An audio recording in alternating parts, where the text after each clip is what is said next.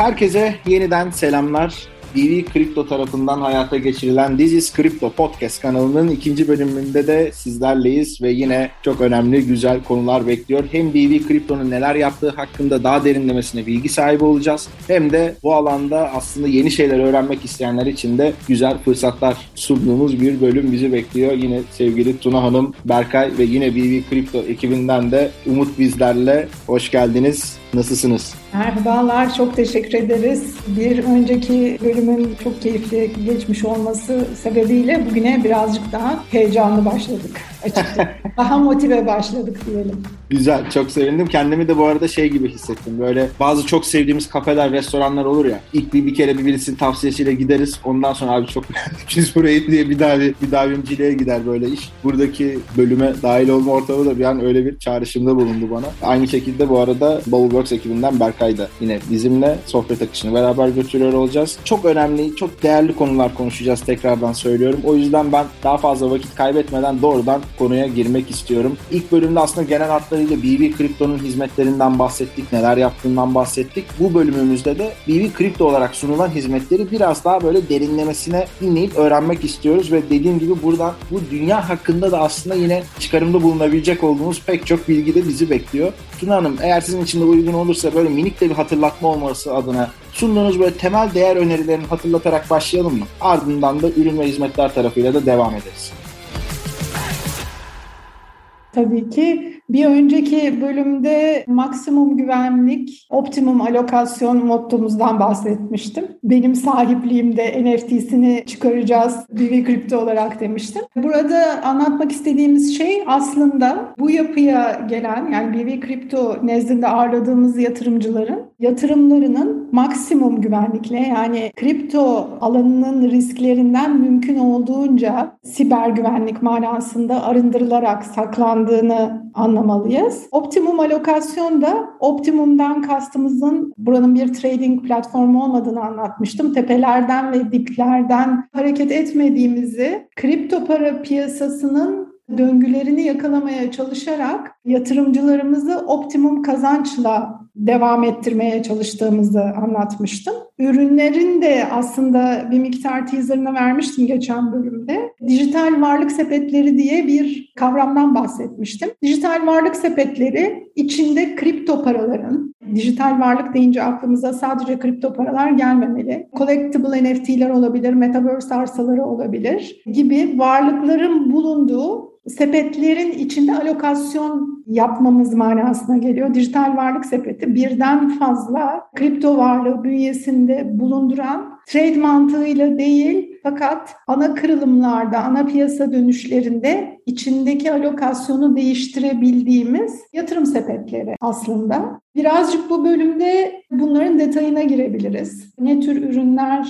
sunuyoruz? Dijital varlık sepetlerimizin isimleri neler? O detaya girebiliriz. Çünkü çok heyecanlı bizi ayırt eden, birazcık yurt dışı muadillerimize yaklaştıran güzel getirili sepetlerimiz var. İsterseniz ufaktan gireyim. Bu kadar özet yeter herhalde.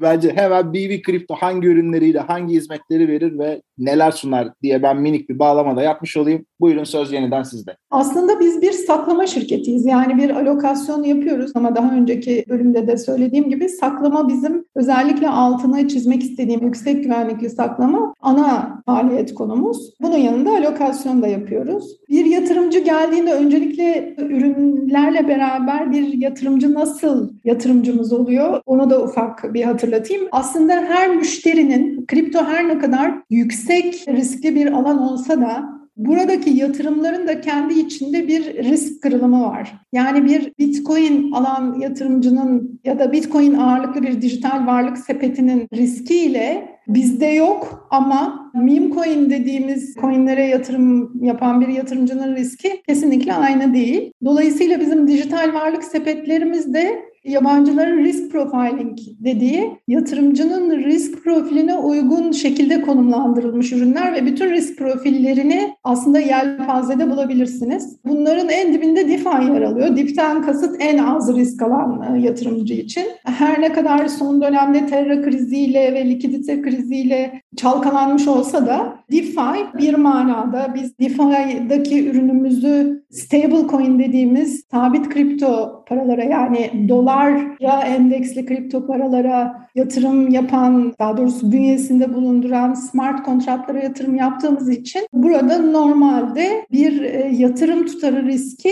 bulunmuyor. Tabii ki bütün e, kripto para alanındaki bütün yatırım alanları gibi burada da siber riskler ve diğer riskler söz konusu. Dolayısıyla bizim yatırım yaptığımız alan DeFi'da en az riskli alanlardan biri. Burayı biz nasıl kullanıyoruz? Buraya işte dövizine, sentetik dolarına diyelim. E, tam olarak dolar bankadaki dolar gibi algılamamak lazım. DeFi'deki tutarları. Sentetik dolarına matbu bir getiri almak isteyen yatırımcıların ya kriptodan çıktıkları dönemde park ettikleri ya da hiç kriptoya girmeden burada bulunmak istedikleri tutarlarını değerlendirdikleri bir ürün. Bu bizim risk skalamızın en altında yer alan bir ürün. Dijital varlık sepetlerimizin içindeki likit kısımları, yatırımda olmayan kısımları da zaman zaman DeFi'de değerlendiriyoruz. Bu en basit dediğim gibi ve de en risk açısından skalada düşük seviyede yer alan bir ürünümüz. Bunun dışında tek bir kriptoya yatırım yapmak isteyen ve dijital varlık sepeti benzeri sepetlere yatırım yapmak istemeyen yatırımcılar için diyelim ki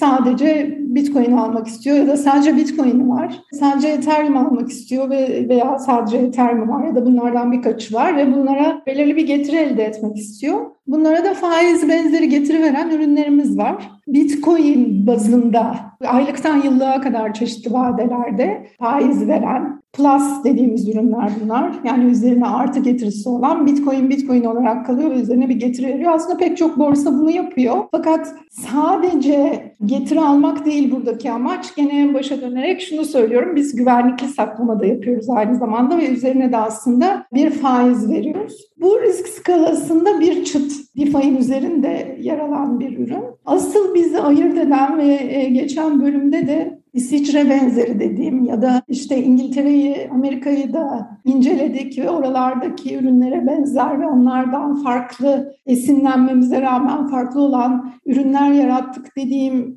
aslında dijital varlık sepetlerimiz. Bunlardan ilk olan yani 2019'un başlarında yatırımcılarımıza sunduğumuz hikayesinde anlatmıştım aslında. 30 dijital varlık sepeti. Bu işte market cap yani piyasa büyüklüğü olarak bakıldığında ilk 30'da yer alan Bitcoin ağırlıklı olmak üzere ilk 30'da yer alan kripto paraların bir bileşimini içinde bulunduran, belirli ağırlıklarla içinde bulunduran bir ürün idi. E, şu anda açık değil bu ürün. Bunu kapattık çünkü her dijital varlık sepetini yarattığımızda bizim kafamızda önümüzdeki dönemle ilgili olarak bir beklenti var. Yatırım komitemizin bir beklentisi var o beklentiye uygun olabilecek ürünleri çok hızlı bir şekilde, çok esnek bir yapıyız biz. Tabii ki regülasyonun e, gelmesiyle beraber bu esneklik birazcık azalacaktır. Ama şu an için beklentilere uygun ürünleri çok hızlı şekilde çıkarabiliyoruz. O dönem Bitcoin'in dominansında bir piyasa vardı ve Bitcoin'de de oldukça iddialı bir yukarı hareket beklentisi vardı. Dolayısıyla Bitcoin ağırlıklı ama top 30'da yer alan kriptolardan oluşturduğumuz bir sepetimizi sunmuştuk. Top 30 o kadar hızlı performe etti ki her dijital varlık sepetimiz 1 dolardan çıkıyor diye bahsetmiştim. Fiyatı 6'lar civarına geldiğinde yani bir yatırımcı 6 katı performans elde ettiği noktada bizim bu sepeti boşaltarak yeni bir ürüne geçmek fikrini hayata geçirme gibi bir fikir geldi aklımıza. Aslında hedefimiz Bitcoin'in 25 bin dolar olduğu noktada başka bir dijital varlık sepetine yatırımcıları almak gibi bir hedefimiz vardı en başta. Ama çok hızlı şekilde 40 bin dolara geldiği için yatırımcılar beklentimizin de üzerinde bir performansla cash out ettiler. Yani bu dijital varlık sepetinden çıkarak yeni kurduğumuz Moon strateji. Moon stratejiyi de birazdan size Berkay anlatır. Niye adı Moon strateji? Neden TAP 30'dan çıkıp Moon stratejiye e, girme ihtiyacı duyduk? Arkasından da diğer dijital varlık sepetlerimiz geldi. Eş zamanlı olarak aslında NFT'miz oldu, spotumuz zaten vardı. Bunları da Berkay sen anlatabilirsin aslında. Tabii teşekkürler Tuna Hanım. BB Moon ürünü ismini To The Moon söylemeden alıyor aslında. Genellikle Bitcoin çok sert ve hızlı yükselişler yaptığında popüler bir söylem olarak karşımıza çıkmıştı sosyal medyada. To The Moon yani Ay'a doğru artık hani sonsuza kadar bir yükselişe benzer bir şekilde sert yükseliş temsil ediyor. Moon ürününün de amacı burada Bitcoin'in prensiplerine, Bitcoin'in yükselişine daha bağlı kalarak yine riski düşük tutarak ama aynı zamanda da bir dijital varlık sepeti niteliğinde taşıma amacı gütmesidir. Çünkü Tuan'ın bahsettiği gibi bizim çok düşük risk ürünlerimiz var. Sadece Bitcoin ile ilgilenen ürünlerimiz de var. Bitcoin içeren ürünlerimiz de var. Ama dijital varlık sepeti olarak yani bir sepet olarak ama yine de Bitcoin'in yükselişine bağlı e, bir sepet yapmak amacıyla Moon ortaya çıktı. Moon'un içeriği Bitcoin ve Ethereum ağırlıklı. Sadece %10 kadar altcoin dediğimiz bir tık daha riskli altcoin'lere yatırım yapıyor bu sepet. Burada da amaç Bitcoin ve Ethereum'un getirisinin üzerine çıkmak. Buradaki amaç da şöyle. Ortalama bir kripto para ile ilgili ilgilenen herhangi birisi %50 Bitcoin ve %50 Ethereum alarak gayet e, düşük riskli ve sağlıklı bir sepet yapabilir. Burada bizim amacımız %10'luk bir kısmı altcoin'lere kaydırarak orada bir tık daha fazla riskli ürünlerden daha yüksek getiri alarak yıllık olarak Bitcoin ve Ethereum'un getireceğinin biraz daha üzerine çıkmak, ekstra bir değer katmak amacımız. Ve yine burada da aynı şekilde optimal alokasyon stratejisini gidiyoruz ki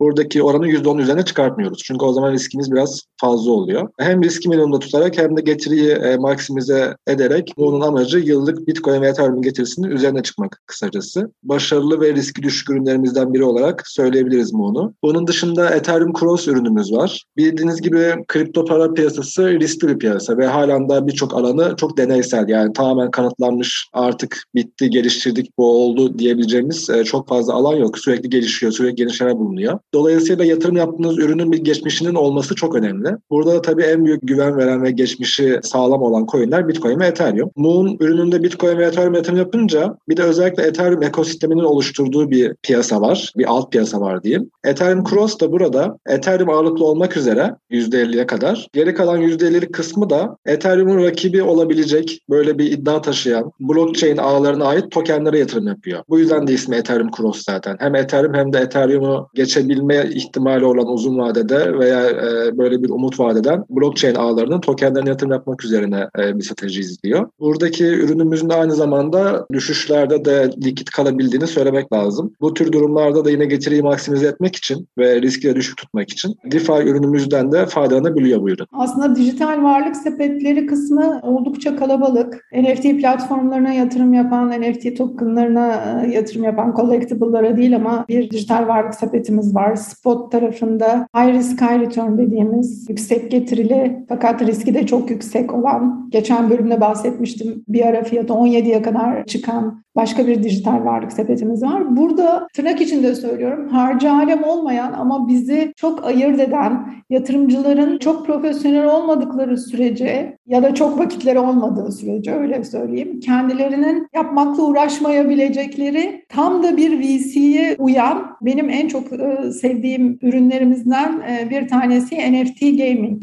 dijital varlık sepeti. İlk önce Berkay kısaca NFT Gaming'in neden önemli olduğunu anlattıktan sonra Umut da belki NFT Gaming dijital varlık sepetimizi içeriğini anlatabilir, hikayesini anlatabilir. Tabii ki.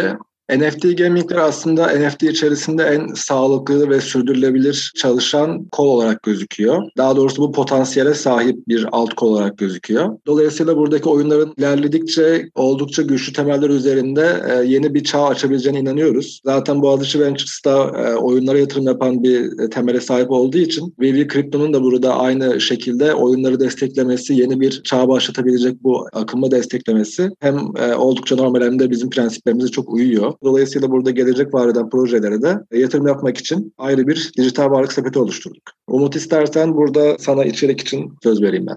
Ben de NFT Gaming'in sepet içeriğinden bahsedeyim, neden önemli olduğundan. Tuna Hanım'ın da bahsettiği gibi risk skalasının üstlerinde yer alan bir dijital varlık sepeti. Nasıl ilerliyor? ve Kripto Yatırım Komitesi tarafından seçilen platformlardan çıkacak yeni NFT oyun projelerine erken aşamada yatırım yapma imkanı sunuyor. Burada erken aşamada yatırım yapma imkanı gerçekten önemli. Sepet içerisindeki varlıklar yatırım yapılan oyun projelerinin tokenları ile bu projelerin halka açıldığı platformlara ait tokenlar arasında dağıtılıyor. Sepetin dağılımı oyun tokenlerinden elde edilecek yüksek çarpım getirisini maksimum şekilde elde etmek ve platform tokenlerinin sepet fiyatına etkisini minimum derecede tutmak. Erken aşamada olmasının en önemli noktası şu, oyun projeleri erken aşama yatırımcılarına avantajlı fiyatlar sunuyor. Tokenlerin satışına da uzun vadeli bir plan dahilinde izin veriyor bu noktada. Yani bu dijital varlık sepeti uzun uzun vadeli ve yüksek risk, yüksek getiri hedefleyen yatırımcılar için uygun. Az önce Tuna Hanım'ın da bahsettiği gibi. NFT Gaming için de bunu özetleyebilirim. NFT Gaming ile ilgili olarak bir katkıda bulunmak istiyorum. Boğaziçi Ventures'ın BV Teknoloji'nin hikayesini anlatırken oyun geçmişinden bahsetmiştim kurucu ortakların. Aslında NFT Gaming en iddialı olduğumuz dijital varlık sepetlerinden biri. Çünkü herhangi bir yatırımcı e, kendisi gidip birkaç platforma ve bu platformlardan çıkacak olan oyunlara yatırım yapabilir. Fakat oyunu seçmek, neye yatırım yapılacağını biliyor olmak takip etmek, doğru zamanda exit etmek aslında gerçekten bir uzmanlık işi. Bu konuda benim en çok kendimize güvendiğim uzmanlık alanlarından biri açıkçası. Ürünler kısmını kapatmadan önce aslında bir iki tane de gene teaser babında gelecek ürünlerden bahsetmek istiyorum. Biz madem ki bir venture capital firmasıyız aslında farkımızı oluşturduğumuz dijital varlık sepetlerinde de ortaya koymalıyız kripto tarafında diyerek bundan sonraki bir birkaç ürünümüzü kripto tarafında disruptive yani yıkıcı kripto teknolojileri dediğimiz kriptolara yatırım yaparak göstermek istiyoruz. Burada da gene piyasa trendlerine uyumlu olacak şekilde fakat yatırımcıların kendilerinin çok uğraşamayabilecekleri projeleri bulup çıkarıp yüksek riskli bir üründen bahsediyoruz gene ama yüksek getiri vaat eden kripto projelerine dengeli bir dağılım yaparak yatırım yapacak bir dijital varlık sepeti yaratma yönünde karar aldık. Bununla beraber algoritmik ürünlerimiz gelmekte planladık. Bir de şu anda aslında en revaçta olan ve piyasa gereklerine en uygun, en kolay şekilde yukarı hareketi yakalayabilecek olan Trend Opportunity ürünümüzü söylemek istiyorum. Şu anda yürürlükte olan bir ürün, en hızlı büyüyen ürünümüz. Gene Bitcoin ve Ethereum ağırlıklı olmak üzere her haftanın aynı günü içindeki total tutarın belirli bir yüzdesini alım yaparak fiyat bağımsız fiyat ortalaması oluşturmak üzere kurduğumuz bir dijital varlık sepeti. Bu da aslında şu anki düşük riskli ama en kolay yukarı hareketi yakalayabildiğimiz bir ürün diyerek ürünler tarafını kapatabiliriz diye düşünüyorum. Anladım Tuna Hanım. Gerçekten bu dünyada çok fazla fırsat var ve bu fırsatları yakalayabilmek için de sürekli takip etmek gerekiyor. BV kripto sepetlerinde çeşitli risk seviyelerinden bahsettik. Ben de bu konuyla alakalı bir soru sormak istiyorum. Olası düşüşlerde BV kripto olarak ne gibi önlemler alıyorsunuz? Bunu da sizden duyarsak süper olur. Aslında bir yatırım komitemiz olduğundan bahsetmiştim. Yatırım komitesi tabii ki kripto para piyasasını iyi okuyan kişilerden oluşuyor. Kurucu ortaklarımız da yatırım komitesinde yer alıyor. Buna rağmen kendi döngüsü gereği ya da son dönemki pandemi sonrası likidite azalışı gibi kripto para piyasasını da etkileyebilecek ani olmayan ya da işte Ukrayna savaşı gibi ani olan ve kripto para piyasasını tehdit eden gelişmelerde olabiliyor. Dolayısıyla özellikle ani olmayan tarafta her dijital varlık sepeti kendi içinde likide olarak yani içindeki varlıkları belirli seviyelerden hiçbir zaman tek seviyeden satış e, diye bir stratejimiz yok. Belirli seviyelerden satarak oluşan dolar bakiyeleri DeFi'de tutmak ya da açıkta tutmak gibi yeniden alım e, için beklemek üzere park etmek gibi stratejilerle düşüşten mümkün olduğunca yatırımcıları korumaya çalışıyor. Berkay'ın sorusuna ek olarak şunu merak ediyorum. Biraz daha aslında aranızda bu dünyaya bir tık daha böyle en uzak olan kişi benim. O yüzden böyle işin daha basit tarafıyla ilgili bir şey de merak ediyorum. Yatırımcıların parasını tamamen kaybetmesi gibi bir olasılık var mı burada? Veya bir şekilde böyle bir durum diyelim ki oldu. Ne gibi adımlar izleniyor? Şimdi o tarafını merak ettim. Şimdi iki tür riskten bahsediyoruz. Birinci tür risk kripto para piyasasına yatırım yapan herkesin aslında bu risklerin farkında olması gerekiyor. Dolayısıyla biz e, yatırımcılarla ilk görüşmeye başladığımızda özellikle daha önce hiç kripto para yatırımı yapmamış yatırımcılarla görüşmeye başladığımızda her şeyden önce bu riskleri anlatıyoruz. Açıkçası biraz göz korkutmak gibi oluyor ama herkesin ne yatırım yaptığını bilerek buraya giriyor olması gerekiyor. İki tür risk var. Bir tanesi performans riski. Performans riski daha yüksek o diğer geleneksel alanlardaki bir takım yatırım araçlarına göre özellikle fixed income dediğimiz hani sabit getirili ürünlere göre kat be kat fazla olmakla beraber hisse senedi piyasasında ya da emtia piyasasında olduğu gibi performans riskiniz var. Özellikle altcoin'lerin bazıları ki bunlar bizim yatırım yelpazemizde yok. Kendileri kripto para seçen yatırımcılardan bahsediyorum. Hani bir anda yok olan kripto para yani 25 bin kripto para yaratılmış bugüne kadar. Belki daha da yüksek olabilir. Berkay benden daha iyi söyleyecektir rakamı. Çünkü bunlar teknoloji projeleri aynı zamanda teknolojik paralar olduğu için. Çok adette kripto para yaratılıp bunların çok önemli bir kısmı battığı için paranın yok olma riski var. Ama BB kripto üzerinden yatırım yapmanın avantajlarından biri de şu. Buradaki kişiler kripto bilen artık yani kriptoyu hakikaten hisselleştirmiş insanlar olduğu için herhangi bir yok olacak diyeyim ya da yatırım değeri olmayan kripto paraya bu bünyede yatırım yapılması mümkün değil. Yani proje okunuyor. Öncelikle değerli olup olmadığına karar veriliyor. Özellikle daha riskli dediğimiz altcoin dijital varlık sepetlerinden bahsediyorum. Burada bu riski minimize etmiş oluyorsunuz ama kripto para evreninde minimize etmekten bahsediyorum. Yani bir fixed income ürünle karşılaştırmamak gerekiyor burayı minimize etmek derken. Siber güvenlik riski için de aynı şeyi söyleyeceğim. Siber güvenlik riski her zaman var. Borsalarda sıcak cüzdanda tutuyor olduğunuz için e, yatırımlarınızı her an hacklenme olabilir. Bu da aslında bulunduğunuz borsanın yaklaşımına bağlı. Biliyoruz ki dünyanın en büyük borsaları da zaman zaman hackleniyor. İç piyasa bunu duymuyor. E, kendi bünyesinden ya da, ya da duyuyor. Kendi bünyesinden oluşan zararı karşılıyor gibi. Burada bizim farkımız gene e, ortaya çıkıyor oluyor. Çünkü bizim çalışmakta olduğumuz borsalardaki bu borsaları da kendimiz seçiyoruz. Türkiye'nin ve dünyanın en büyük birkaç borsasıyla çalışıyoruz. Borsalarda tuttuğumuz miktar çok kısıtlı. Ancak işte acil hareket etmek istediğimiz tutarları borsalarda tutup yatırımlar yapıldıktan sonra anında çoklu private key'lerle koruduğumuz soğuk cüzdanlara çekiyoruz. Burada da siber güvenlik risklerini minimize etmiş oluyoruz aslında. Sorunun aslına dönersek kripto dünyası hem performans açısından hem güvenlik açısından riskli bir alan. Ama kurumsal bir yapı olarak buradaki misyonumuz aslında her iki taraftaki riskleri de minimize ederek optimum bir getiriyle yatırımcılarımızı ağırlamak.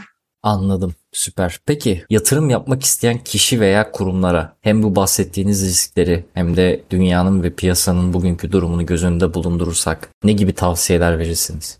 Yatırım tavsiyesi vermeyeceğimizi en başta söylemiştik ama genel piyasa dinamiklerinden, birazcık dünyadaki gelişmelerden Berkay bahsedecektir diye düşünüyorum. En sevdiği alanlar bunlar çünkü.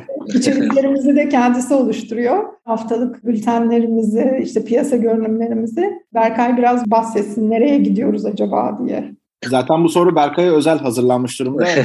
Buyur abi söz sende. Teşekkürler. Ee, yani şu anda tabii televizyonlardan veya gazetelerden vesaire takip eden herkes görüyordur ki dünyada bir enflasyon problemi var. Dolayısıyla yatırımlarda son derece düşük durumda bulunuyor. Yatırım iştahı düşünce de özellikle alternatif yatırım alanları mesela kripto para piyasası gibi buradaki yatırımcılar da büyük oranda çekiliyorlar tabii. Bu çekilme sırasında tabii kriptonun kendi içerisindeki problemler de etkili oldu. Likidite problemi ve çeşitli hackler gibi. Ama burada bizim BB kripto olarak gördüğümüz buradaki teknoloji sürekli ilerlemeye devam ediyor. Zaten bizim de amacımız buradaki değere yatırım yapmak. Kısa vadeli karlar veya kısa vadeli teknolojiler, e, trendler değil. Daha uzun vadeli ve gelecek vadeden sürdürülebilir alanlara yatırım yapmak. Bu nedenle de bu şu anki düşüş ne ilk düşüş ne de son düşüş olacak. Daha önceki düşüşlerde de gene çok sert, çok ciddi problemler oldu. Ama kripto para piyasası daha güçlenerek sürekli yoluna devam ediyor. Biz şu anda da bu genel trendin değiştiğini görmüyoruz. Gene aynı şekilde kriptonun daha güçlenerek devam edeceğini düşünüyoruz. E, buradaki amacımız da o yüzden değer yaratan projelere, değer yaratan e, teknolojilere, alanlara yatırım yaparak, ilgi göstererek aynı zamanda e, performansımızı da e, uzun vadeye yaymak olarak özetlenebilir. Biraz global piyasa hakkında konuşursak da burada tabii Rusya ve Ukrayna savaşı ana gündem maddesini oluşturuyor. Umarım aynı şeyi Çin ve Tayvan arasında da görmeyiz. Çünkü savaş dönemleri özellikle yatırım yapılmayacak alanların başında geliyor maalesef. Böyle gelişmelerde yatırım alanlarını negatif etkiliyor. Dolayısıyla daha önce gördüğümüz kripto para düşüşlerindeki bir buçuk iki yıllık düşüş dönemleri böyle eğer enflasyon ve savaş problemleri çıkarsa yani olağanüstü her zaman görmeyeceğimiz şeyler olursa belki biraz daha uzun sürebileceğini düşünüyoruz. Yani belki bir yıl iki yıl daha fazla hani iki yılda bitmeyebilir de belki dört yıl uzayabilir. Ama kripto piyasası çok hareketli biliyorsunuz. Çok hızlı yükselişler oluyor, çok hızlı düşüşler olduğu gibi. Bu nedenle bunun tam tersi de mevcut. Yani diyelim ki savaş ihtimali ortadan kalktı ya da Ukrayna savaşı bitmeye yaklaştı, bir anlaşma yapıldı vesaire. Enflasyon problemine çözüm bulundu ya da faiz artışları biraz daha yumuşadı. O zaman da yine aynı şekilde en hızlı toparlanacak piyasanın da yine kripto para piyasası olma ihtimali çok yüksek. Bu durumda da eski seviyelerin hemen yakalanması, bir anda bu negatif ortamın unutulması her zaman gördüğümüz şeyler. O yüzden de buradaki dengeyi sağlamak ve asıl önemli olanın teknoloji olduğunu göz önünde bulundurmak gerekiyor. Ha, vallahi süper zaten soruya hazır olduğun da belliydi. bir yandan orada bir yandan böyle uzun dönem yatırım hedeflerinden falan bahsettin. O da şöyle bir soruyu aslında aklımıza getiriyor. Burada BB Kripto'nun hangi yatırımcı profiline uygun olduğunu düşünüyorsunuz? Burada geçmiş deneyimleriniz var tabii ki hedefleriniz var vesaire ama bunları bir birleştirerek anlatabilir misiniz? Çünkü yukarıda da bir hayli önemli bilgi verildi. Bir hayli üründen bahsedildi. Hatta bunların belki bir kısmını böyle bölümün açıklamasına falan da koyarız. Belki biraz daha net bir şekilde takip edilebilmesi adına. Dinleyicilerimiz arasında da burada ilgisini çekenler vardır muhakkak. Kendilerini nerede, nasıl konumlandırmalılar, sizin kapınızı çalarken, kendilerini ölçme sürecinden geçirirken nelere dikkat etmeliler önemli olur diye düşünüyorum.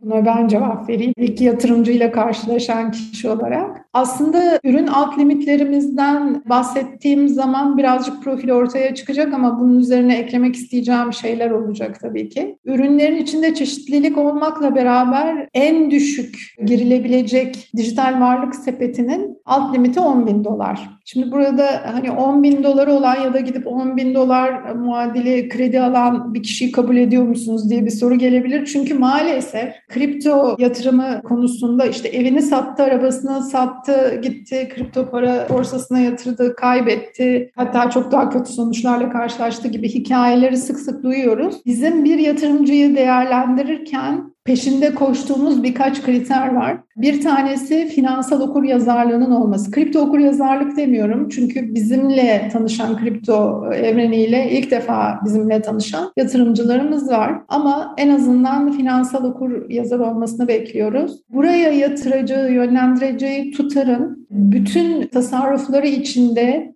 fantezi diyeceğim ya da %10 gibi bir alokasyon gelebilir aklınıza. Bütün varlıklarının %10'unu geçmemesini kendilerine tavsiye ediyoruz. Bu tabii bizim kontrol edebileceğimiz bir şey değil ama tavsiyemiz bu yönde. Ya da şöyle bir şey diyoruz. Bütün bu varlığınız buraya yatırdığınız zaman kaybolacak olsa sizi rahatsız etmeyecek. Tabii ki rahatsız eder ama yok olmasından hayatınızın etkilenmeyeceği bir tutarı buraya yönlendirin diyoruz. Çünkü özellikle yükseliş dönemlerinde insanların aklını çelecek derecede yükselişler oluyor. Dolayısıyla insanlar varlıklarının %50'siyle, tasarruflarının %50'siyle de girmek isteyebiliyorlar. Özellikle İlk defa kripto paraya yatırımı yapacak insanlarda, yatırımcılarımızda bunu özellikle altını çiziyoruz. Kriterlere böyle bakabilirsiniz. Ayrıca biz bir masak yükümlüsü olduğumuz için başka türlü kriterler var. Ama ben yatırım tarafındaki kriterlerimizden bahsediyorum. Son olarak da şunu söyleyeyim. Bir yatırımcı yükseliş döneminde cash out etmeyi yani kar realizasyonu yapmayı bilmeli.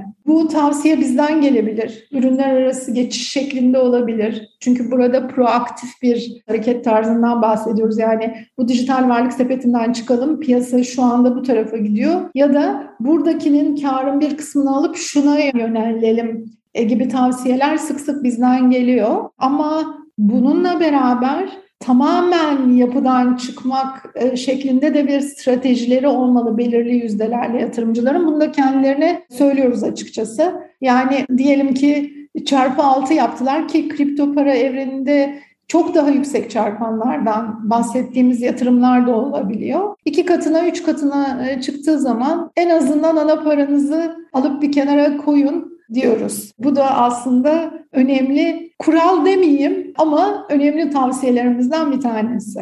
Berkay hemen sözü sana vereceğim. Sadece Tuna Hanım'ın orada söylediği şeylerde bu tanımlamaların altını çizmek gerçekten çok önemli. O yüzden ağzınıza sağlık Tuna Hanım. Teşekkürler. Bir yandan da hani işin risk alma boyutuyla ilgili farkındalıktan bahsetmişsiniz ya bu aynı zamanda venture capital tarafında yatırımcı olan kişiler için de oldukça geçerli bir durumdur. Genel olarak anladığım kadarıyla yatırım dünyasının her yerinde geçerli olan bir konu. Gerçekten olay böyle kalpten heyecanla falan değil de daha çok tabii ki işin o heyecanı da olması lazım. Biraz da tadı belki orada ama gerçekten iyi bir psikoloji ve aklı selim bir şekilde yürütülmesi gerekiyor. Bir yandan da bunu yürütemeyecek kişilerin de anlık olarak böyle bir heyecana gelip hadi ben de gireyim bu riskleri alayım vesaire diye düşünmektense bunu böyle profesyonel ellerle yürütmesi gerekiyor diye anlıyorum. Orada da insanların bilinçlenmesi konusu oldukça önemli. Bu da bizim Bubble ekibinden Berkay'ın bir hayli önem verdiği işte bu sürece başladığımızdan beri değindiği bir konuydu. Bir ufak şu yorumları yapmak istedim. Berkay yeniden sözü sana veriyorum abi.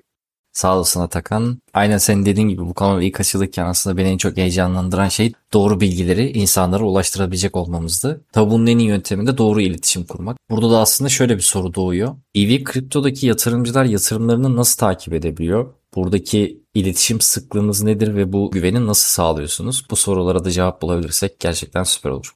Ben bahsedeyim isterseniz kısaca. Bizim en önem verdiğimiz şeylerden biri iletişim. Yani insan hayatının yapı taşı olduğunu düşünüyorum şahsi olarak da iletişimin. Ve güvenilir olmasını da önemli buluyorum. Peki BV Crypto olarak biz bu iletişim güvenilirliğini nasıl sağlıyoruz? Tabii ki de değer önerilerimizin altını doldurarak anlık takip, işte maksimum güvenlik, çeşitlilik, yüksek getiri gibi değer önerileri sunuyoruz yatırımcılarımıza. Neden tercih etmeleri gerektiğiyle alakalı. Peki bunların altını nasıl dolduruyoruz? Bir kere Türkiye'de optimum alokasyon ve maksimum güvenlik ilkesiyle kripto para yatırımı yapabilecekleri tek kurumsal yapı. Dijital varlık sepetleriyle piyasa trendlerini yakalayan yenilikçi, dinamik ve yüksek getirili ürünlere yatırım yapma fırsatı sağlıyor. Daha önce bahsettiğimiz gibi çeşitlilik açısından ürünlerden zaten bahsettik. Onun dışında gerek yatırım yaptığı dijital varlık sepetleri gerekse de piyasa gelişmeleri ve trendler konusunda sürekli bilgi sağlıyoruz. Ayrıca da yatırımcılarımızın BV Kripto yatırımcı portalı üzerinden 7-24 takip edebilmesi için geliştirdiğimiz bir portal var, altyapı var. Onun dışında yatırımcılarımız dilediğinde veya düzenli olarak paylaştığımız manuel raporlar var portföylerini takip edebilmesi için. Genel olarak bu şekilde takip edebiliyorlar yatırımlarını ve iletişimi bu şekilde sağlıyoruz. Burada biraz evvel bahsetmiştim işte Medium haftalık görünüm gibi içerik paylaşımlarımız, mailinglerimiz var. Yatırımcının bireysel hesabını, görünümünü takip etmesiyle ilgili konuları Umut anlattı. Berkay da genel CRM dediğimiz yapımızda genel potansiyel ve mevcut yatırımcılarımızla neler paylaştığımızı, nasıl bilgilendirme yaptığımızı paylaşsın. Tek şitlerimizden de bahsedebilir. Tabii. Haftalık olarak iki tane düzenli mailing yapıyoruz. Bunlardan bir tanesi haftalık bülten. İçerisinde dört tane o haftaya özel mayor yani çok önemli haberler bulunuyor. Bunları çok kısa kısa böyle 6-7 satırı geçmeyecek şekilde bilgi vermek amacıyla mailingini yapıyoruz. Genelde her hafta çarşamba günü oluyor. Bunun dışında genelde hafta başlarında da piyasa görünümü adlı bir mailingimiz var. Bu mailingin içeriği genel olarak on-chain verilere dayanıyor. Nedir bu on-chain veriler derseniz bunlar blockchain verilerinin toplanarak grafiğe dökülmesi dönüştürülmüş hali. Yani normalde Merkez Bankası mesela grafikler paylaşır. Bu grafikler blockchain'de kripto para piyasasında halka tamamen açık. Gidip kendiniz direkt elde edebiliyorsunuz. Bizim de bu amaçla düzenlediğimiz böyle bir piyasa görünümü raporumuz var. Burada önemli para girişleri, para çıkışları, trend değişimleri vesaire buradan hem biz de izliyoruz. Önemli gördüğümüz yerleri de raporumuzda belirterek yine uzun olmayacak şekilde, kısa bir şekilde 5-6 grafik, maksimum 7-8 grafikle kısa kısa açıklamalarla verileri de yorumlayıp yine bilgilendirme yapıyoruz. Aynı şekilde bu piyasa görünümünün ilk sayfasında da kısa bir böyle gazetedeki köşe yazısına benzer şekilde gene o haftaki önemli bir olayla ilgili biraz daha yorumlar, eleştiriler veya önemli bir olayın özeti şeklinde köşe yazısı tarzında bir yazımız oluyor. Bir de ayda iki bazen üç defa e, yaptığımız haftalık yazılar var. Bunlar biraz da makale türünde yazılar. Bir önemli yine olayın ya da trend değiştirici ciddi bir olayın özeti şeklinde oluyor ama bunlar tabii daha uzun dediğim gibi makale gibi 7-8 sayfa bulabiliyor. Okuma süresi olarak da 10-12 dakikalara gelebiliyor. Bu biraz da okumayı seven ve derinlemesine araştırma yapmak isteyen kişilere özel denilebilir. Ama burada gözettiğimiz kriterler var tabii ki. Hem profesyonel yani kripto para okur yazarlığı olan hem de olmayan kişilere hitap etmeye çalışıyoruz. Aradaki dengeyi de şu şekilde sağlıyoruz. Haftalık bülten çok basit. Herkesin anlayabileceği, okuyabileceği şekilde. Piyasa görünümü biraz daha karışık ama yine buradaki açıklamalar basit. Haftalık yazıda da konular daha karmaşık ve derinlemesine inceleniyor ama buradaki terimlere aşina olmayanlar için biz her terim için böyle linkler koyuyoruz. Yani o linke basınca daha önceki yazılarımızdan veya ilgili kaynağa götürebilecek, açıklamalara bulunabilecek yerler var. Dolayısıyla hem okur yazar olan hem de bilgisi olmayan kişilerin e, hem düzenli olarak haber alması hem de piyasadaki olayları derinlemesine inceleyebilmesini sağlıyoruz. Burada bir de şunu belirtmek isterim ki bizim mailing listemizde sadece müşterilerimiz yok ya da sadece iletişimde olduğumuz kişiler yok. Herkes sitemize girerek buradaki e, mailing listemize dahil olabilir. Hatta ben buradan davet edeyim herkesi. Haftada dediğim gibi 3 tane mailing yani sizi de çok sıkmıyoruz ve özet şekilde gayet bilgilendirici, eğlenceli içerikler de oluyor bazen zaman zaman. www.bbdigital.io'ya girerlerse burada zaten çok net bir şekilde üye olma kısmını görebilirler. Hatta biz de dinleyicilerimizin işini kolaylaştırmak için bunu bölüm açıklamasına da ekleyelim. Okey süper. Hızlıca oradan da ulaşabilirler. Aynen. Web sitesinden bugüne kadar yayınladığımız içeriklere erişebilirler. Medium adresimizi de paylaşabiliriz. BB Crypto olarak girdiklerinde bugüne kadar çıkmış bütün makale tarzı yazılarımızı görebilirler. Son olarak iletişimde özellikle yatırımcı olan, hali hazırda yatırımcı olan kişilerle paylaştığımız aylık fact dediğimiz yatırım yapmış oldukları ürünlerin performanslarını ve içeriklerini içeren tek sayfalık one pager denilen aslında tarzda oluşturulmuş performans raporlarımız da var. Bunu da eklemek istedim son söz olarak. Bu bölümde bir tane daha son söz rica edebilirim sizden Tuna Hanım.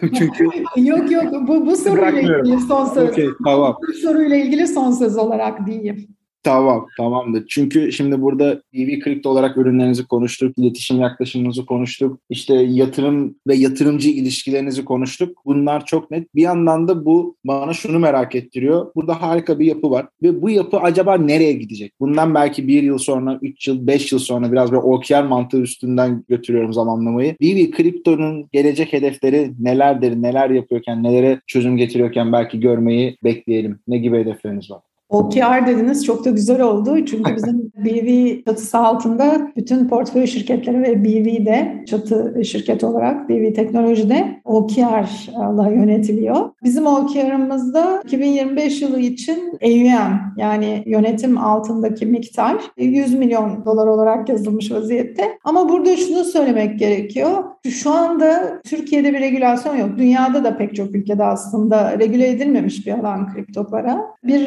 regülasyonla ilgili çalışmalar var. Bununla ilgili biz de görüş bildirdik. Taslağı okuduk, üzerinde çalıştık, konuşuyoruz. Regülasyonun ne getireceğine bağlı olarak aslında birazcık nereye gideceğimiz değişecek. Belki hedef kitlemiz değişecek. Yani ne tür kolaylıklar ya da ne tür zorluklar içerdiğini şu an kabaca kestirebiliyoruz ama olduğu zaman kesin ve net konuşabilirim. Hedef kitlemiz şu anda high net worth tırnak içinde söylüyorum yüksek gelir grubuna hitap eden bir yatırımcı kitlesi olmakla beraber yani biz daha alt gelir grubuna açılmadık. Yani bin dolarla buraya yatırım yapamıyorsunuz. Burası trading platformu değil. Belki ileride farklı ürünlerle daha farklı hedefledeki yatırımcılara hitap ediyor olabiliriz. Dediğim gibi burada regülasyon çok bağlayıcı yoksa bizim bulunduğumuz hedef kitlede ürün çeşitliliğimiz artarak devam edecek. Ama biz belki de biraz daha yaygın bir yapı olmayı tercih edeceğiz. Dolayısıyla farklı kırılımlardaki, farklı aralıklardaki yatırımcılara farklı ürünlerle ya da farklı partnerlerle, işbirliğiyle yönetilen ürünleri de sunuyor olabiliriz. Bunların tamamı tasarı seviyesinde ama ABC planları olarak hepsi kurgulanmış vaziyette. Eli kulağında olan yasanın çıkmasını bekliyoruz bizi takip edin diyorsunuz yani. O zaman. Bizi takip edin tabii ki. Madem ki dinliyorsunuz bizi takip etmeye devam edin. Hakikaten şunu en başta söylemiştim tekrar söylemek istiyorum. Biz şu anda benzeri olmayan bir yapıyız Türkiye'de. Tabii ki yasa tasarısının tasarı olmaktan çıkıp yasalaşması sonrası bu adiller gelebilir. Ama bir kişi ben kendim kripto para yatırımı yapmayacağım dediği noktada arkadaşına eşe dosta güvenebilir ya da bize gelebilir. Birinci bölümde en başta anlattığım yapıdaki bir kurum olarak biz kendimizi son derece her açıdan güvenilir buluyoruz. Dolayısıyla hani yatırım yapmak isteyen herkesi memnuniyetle ağırlarız. Bizim tek ve lider olmamız burada tekrar altını çizmek istediğim bir konu. Yasa sonrası e, yolumuza nasıl devam edeceğimize, rakiplerimizin kimler olacağına veya yeni hedef kitlemizin kim olacağına bakıyor olacağız. Anladım. Bunu da zaten herhalde buralarda yine konuşuyor, detaylı bir şekilde ele alıyor oluruz. Tabii. Çok teşekkür ediyorum. Oldukça keyifli bir bölüm oldu yine ve yine bolca bilgiyle dolu. Bu sefer bölüm açıklamamız birazcık daha uzun ve detaylı olabilir. Eğer böyle kritik noktalara dikkat etmek isteyen, o kısmı böyle daha sıkı böyle takip etmek isteyenler varsa lütfen hızlıca bir göz atsınlar. Aynı şekilde Berkay'ın ve Tuna Hanım'ın bahsettiği bazı linkleri de işte Medium olsun, e, oradaki mail bültenin linki olsun. Bunları da oraya bırakıyor olacağız. Bir sonraki bölümlerde yeniden görüşmek üzere diyorum ve ayrıca şunu da söylemek istiyorum hemen kapatmadan önce. Gelecek bölümlerde aynı şekilde burada bazı trendlerle ilgili işte onun yanı sıra bazı önemli konularla ilgili burada belki geçen ama sizin bilmediğiniz veya bilseniz de tam olarak anlamlandıramadığınız kavramlarla ilgili konuları böyle netleştirdiğimiz farklı farklı seriler planlanıyor. Onlar da netleştiği zaman sizlerle yeniden buluşuyor olacak sevgili dinleyiciler. Yeniden görüşünceye dek ben kendinize çok iyi bakın demek istiyorum. Nana Berkay, Umut sizlerin var mıdır son eklemek istediği bir şey? Çok keyifli bir bölüm oldu. Yine çok teşekkürler. İleriki bölümlerde belki misafir, konuk konuşmacıları da alıyor oluruz. Aynı şekilde heyecanlı devam edeceğiz sohbetlerimizle. Oldukça keyifli oldu. Tekrar görüşmek üzere diyelim. O zaman görüşmek üzere.